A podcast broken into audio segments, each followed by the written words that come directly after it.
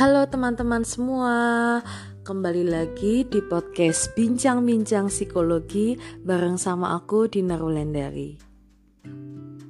Hari ini aku mau membahas tema yang menurut aku cukup penting yaitu mencintai diri sendiri sebelum mencintai orang lain. Mencintai diri sendiri sebelum menjalin hubungan dengan orang lain. Kenapa hal ini sangat penting?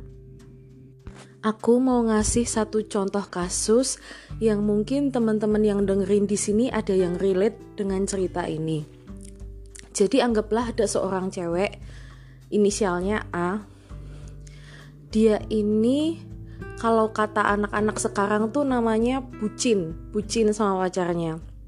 Jadi dia tuh mau ngelakuin apa aja buat nyenengin pacarnya, buat berkorban ke pacarnya sampai kadang-kadang tuh ngorbanin diri sendiri.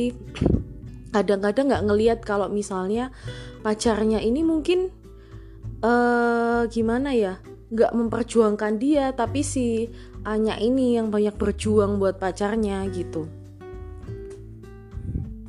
Nah, setelah ditelusuri, kenapa A bisa punya sifat dan perilaku demikian?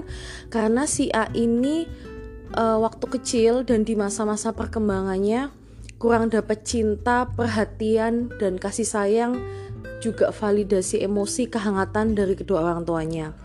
Nah, karena si A ini anak broken home, katakanlah seperti itu. Nah, terus karena si A ini gelas kasih sayangnya nggak terisi dari orang tuanya, dan dia juga belum tahu cara mencintai dirinya sendiri, secara alam bawah sadarnya dia ini ngasih banyak cinta ke pasangannya, ngasih banyak pengorbanan, ketulusan, kehangatan supaya pasangannya ini membalas cintanya sama besarnya seperti yang dia kasih atau bahkan lebih besar. Si A ini berharap benar-benar dicintai pasangannya supaya apa? supaya mengisi gelas kasih sayang dia yang masih kosong yang selama masa-masa perkembangannya hampir nggak diisi sama orang tuanya. Si A berharap dicintai sama pacarnya buat menutupi semua rasa insecure di dalam dirinya, buat meyakinkan bahwa dirinya itu layak buat dicintai, berharga, layak mendapatkan cinta, dan semua insecurities di dalam dirinya dia berharap diobati ditutupi oleh kasih sayang yang diberikan pacarnya. Makanya dia berani mau rela berkorban ngasih semuanya supaya dia dicintain balik seperti itu.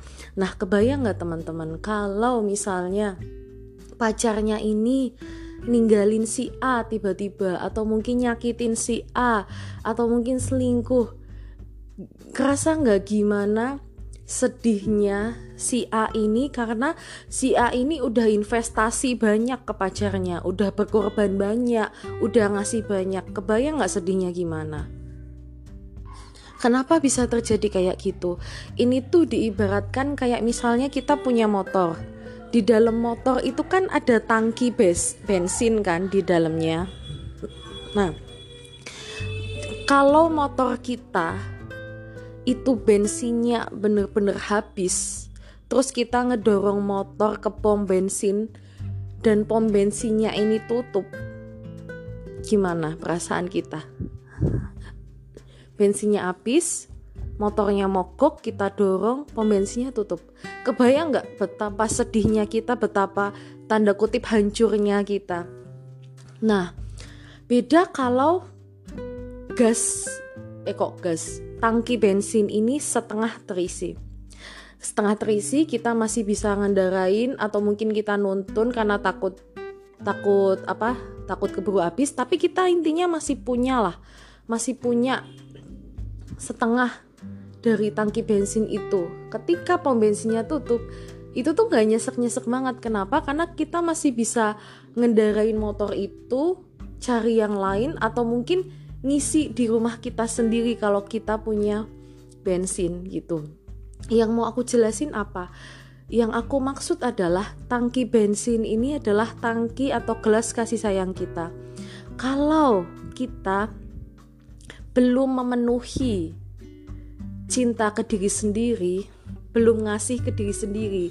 Ketika pacar kita yang kita anggap bisa membalas cinta itu pergi, atau mungkin dia selingkuh nyakitin kita, bisa dibayangin nggak betapa hancurnya kita? Kenapa? Karena kita butuh banget diisi gelas kasih sayangnya sama dia. Kita butuh banget diisi sama dia. Kenapa kita belum ngisi buat diri sendiri? Beda kalau tadi dari rumah bensinnya udah setengah terisi, ketika sampai pom bensin mau pom bensinnya tutup ya nggak apa-apa mau buka ya nggak apa-apa gitu Makanya, ketika berelasi sama pacar, pasangan, suami, atau siapa pun, ada baiknya kita terlebih dulu mencintai diri kita sendiri. Kenapa?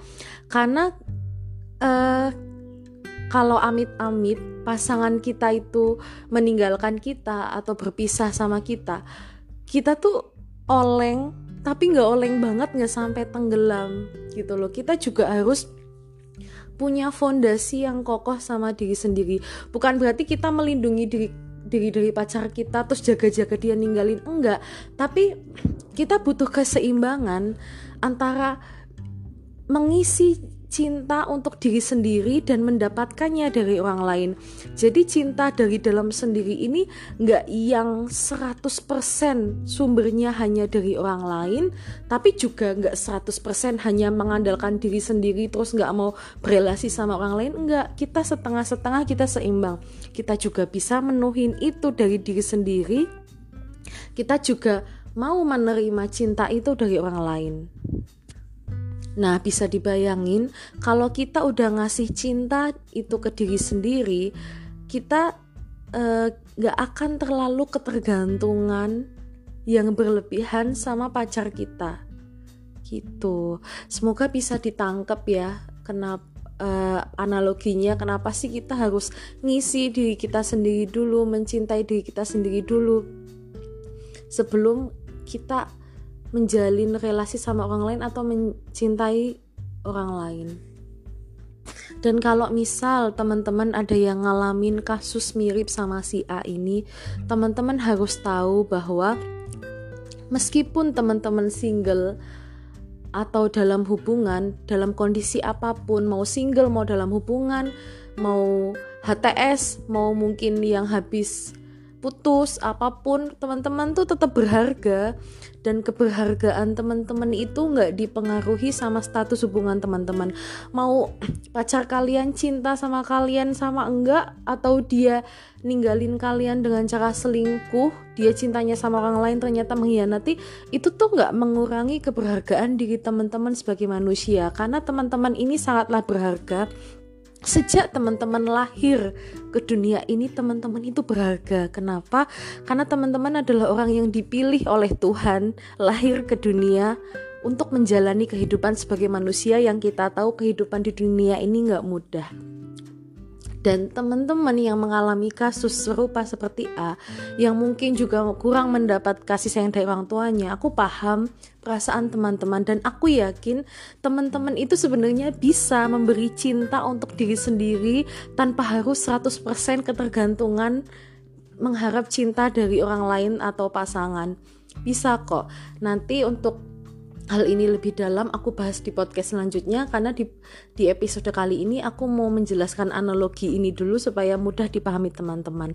Kalau ada pertanyaan DM aja melalui Instagram aku di @dinarolandari atau mau request tema apa pun yang kalian mau terkait psikologi boleh juga request di DM Instagram @dinarulanderi. Gitu dulu ya teman-teman. Mudah-mudahan bisa dipahami podcastku kali ini. Ya.